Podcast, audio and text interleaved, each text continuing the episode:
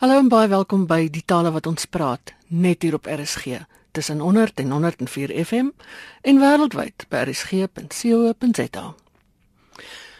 Die woord het word so algemeen gebruik dat 'n mens byna nie daaraan dink nie. Maar dis nie heeltemal so eenvoudig nie.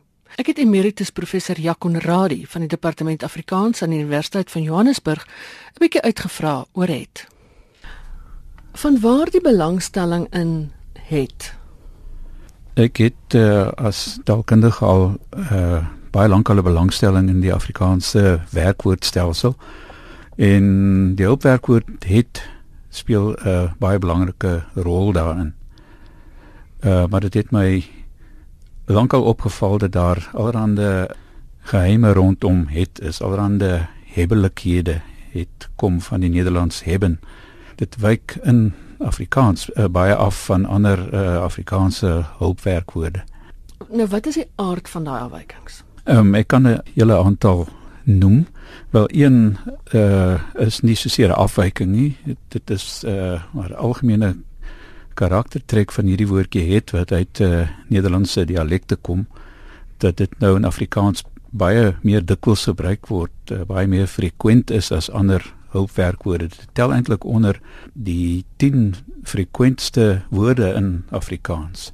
Daar's net uh, woorde soos die en 'n en en en ek wat uh, eintlik uh, meer dikwels voorkom.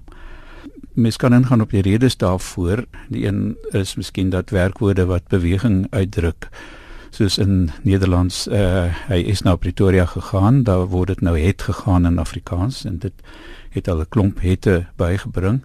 En ook die verlies van uh ons verlede tydsvorm die Nederlandse verlede tydsvorm soos uh sprak wat ons nie meer het nie waar ons dan in baie gevalle sou sê gespreek het of het gespreek uh so ons gebruik dan daai manier ook die het meer baie meer van 'n verlede tyds uh vorm geword mm. as in Nederlands. Mm.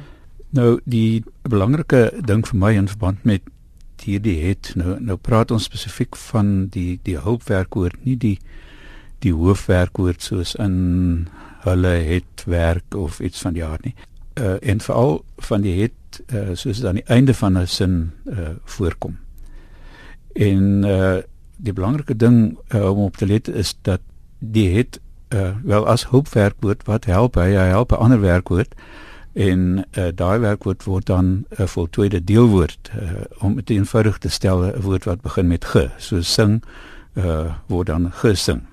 Maar uh, wat mens dan opval is is dat hierdie het on, onskeibaar is eintlik uh, van so 'n deelwoord aan die einde. Dit is nie so met ander hulpwerkwoorde nie.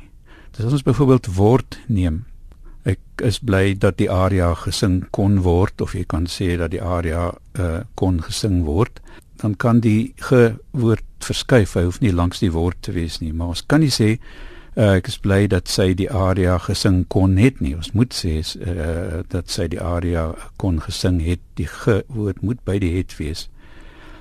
En dan kry ons nog ander situasies waar ons dit ook aan kan demonstreer. As jy byvoorbeeld sê uh ja, gevalle met te om te of hoef hoef te dit hoef nie gesing te word of te wees nie. Dis na die te staan daar altyd 'n werkwoord, soos nou 'n uh, hoofwerkwoord soos word of wees. Altyd in Nederlands, selfs ook altyd in Engels, tensy daar nou split infinitives is.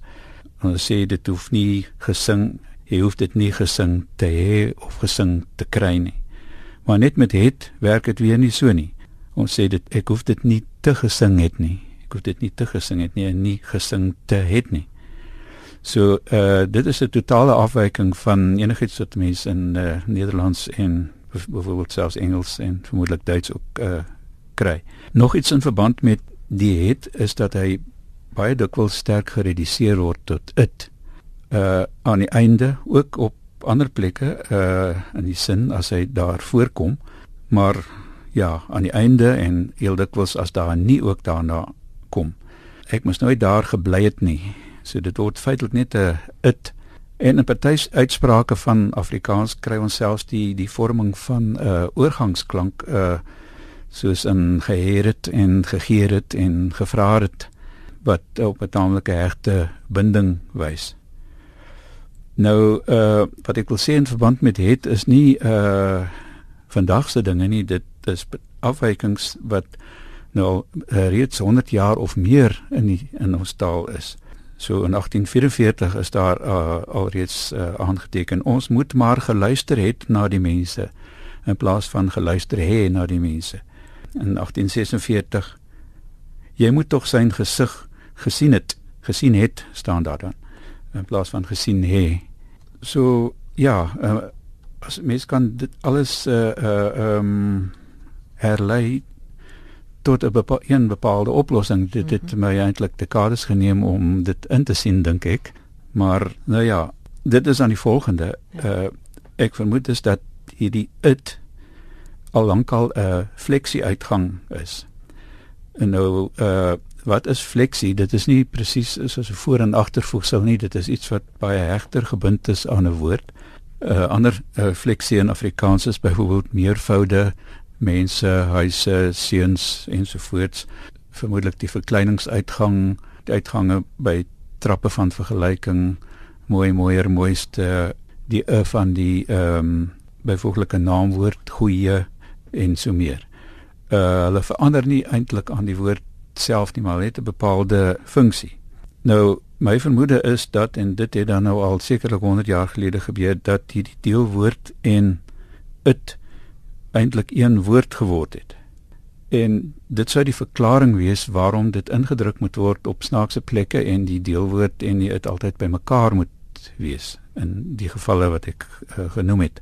Nou hierdie it wissel nou af met 'n volle die volle woord het ons is daaraan gewoond in ons skryftaal. Ons sal nou wel sê gedoen dit, maar ons uh, skryf dan altyd gedoen het. Op ander plekke sal ons dit dan miskien wel afkort. So jy kry 'n afwisseling. Baie mense sal sê dat ek dit gedoen het, baie mooi duidelik, of ek het dit gedoen. So hy kom dan voor as 'n volle woord ook.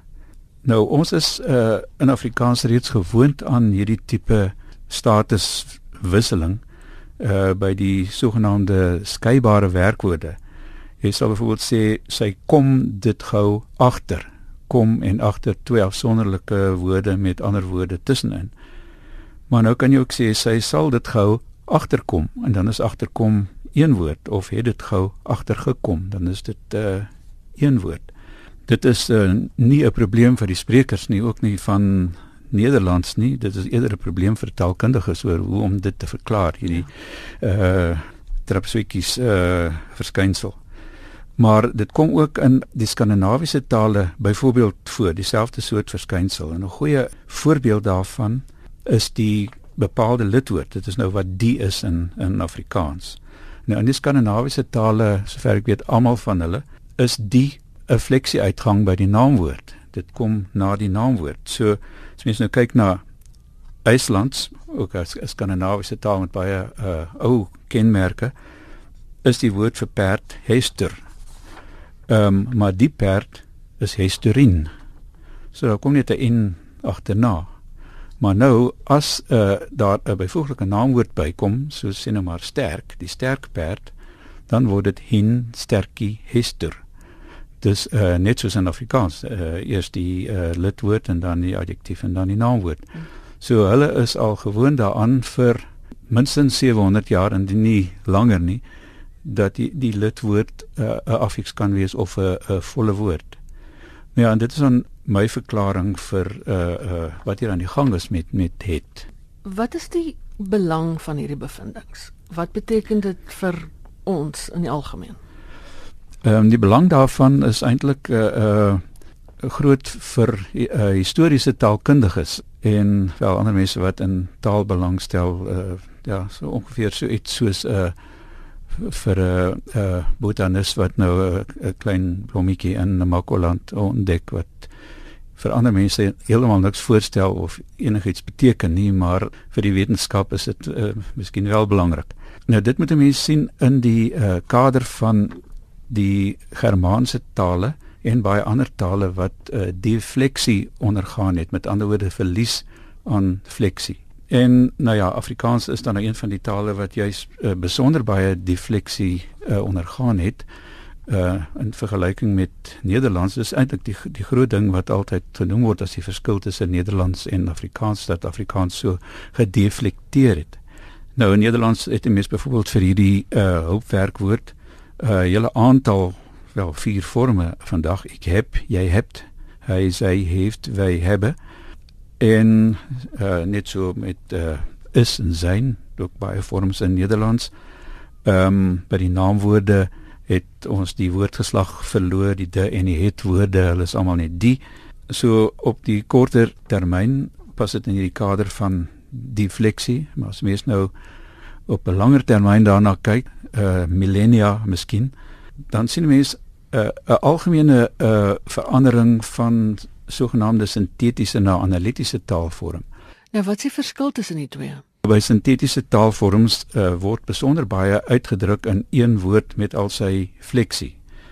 Terwyl by analitiese taal uh, die woorde al hoe korter uh, geword het en daar al hoe meer woorde is in 'n vaste volgorde wat gebruik word. En die groot voorbeeld vir analitiese tale uh Chinese, maar Afrikaans het redelik gevorder in in daardie rigting, maar nie dat ons nie uh of baie voor en agtervoegsels het nie daar het uh, eintlik niks meer gebeur nie.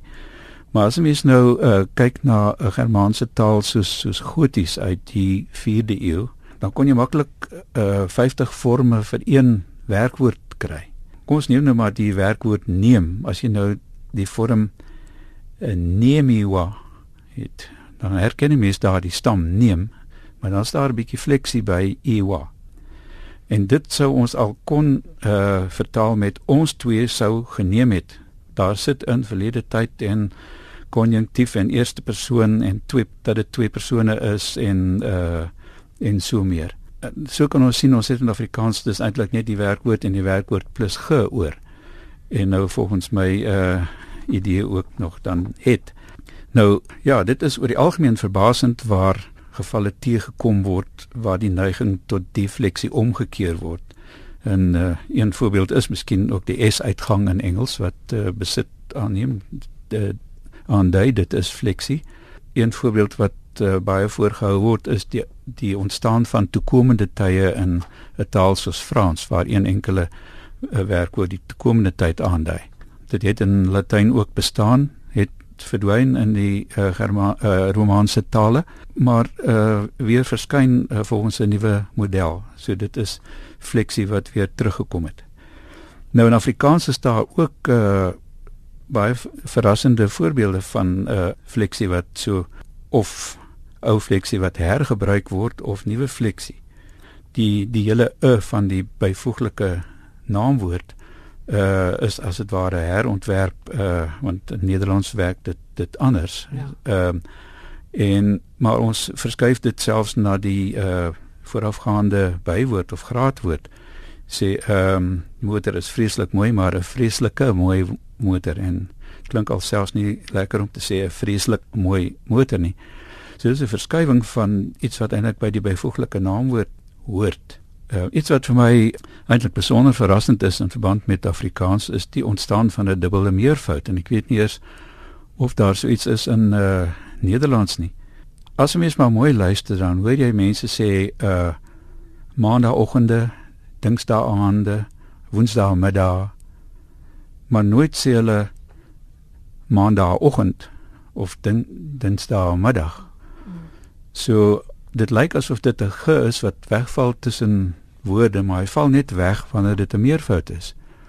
So jy kry 'n meervoud wat op albei woorde aangedui word en en 'n ander taal om aan te dink in die geval wat so werk is byvoorbeeld Latyn waar die uh, naamwoord en dit wat daarbey hoort uh, dieselfde vorm moet hê.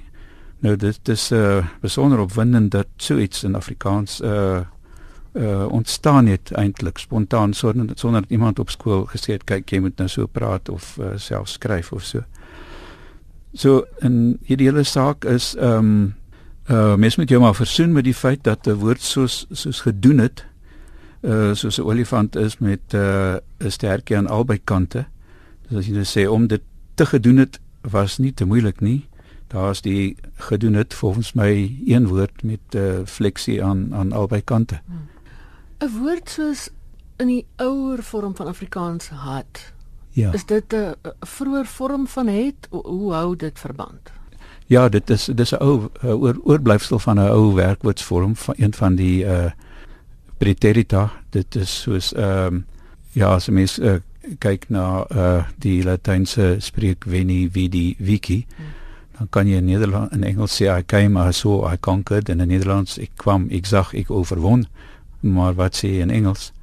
Ehm um, ag in uh, in Afrikaans. Ehm um, dis daai hele kategorie het dit weggeval oh. eintlik. Hmm en al wat uh, wat eintlik uh, uh, wel uh, die voltooide deelwoorde het nog uh, hulle het ook almal reëlmatig geword dis dit is uh, gewerk en geloop en gesien en en en alles behalwe een uh, gehad ehm um, ook nie by alle sprekers nie by party sprekers is dit ook nou uh, al gehet al, al lank al maar ehm um, nou die interessante ook is dat hierdie gehad uh, baie dikwels juist met het kombineer.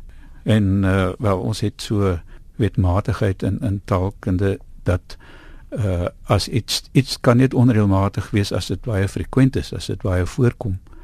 Nou ja, die het kom in elk geval geweldig baie voor. En uh ja, om die rede ehm um, miskien het die die gehad baie mooi behou gebly. En wat dan interessant is as mense 'n uh, woord neem soos soos uh, lief hê, dan val dit op die meeste mense sê dit is goed om liefgehê te word, maar liefgehad het. So daar's weer daardie uh verbind, verbinding tussen uh het en en en gehad. Hierdie verskynsel, is dit 'n teken dat die taal makliker word in terme van struktuur of eenvoudiger is dalk 'n beter woord?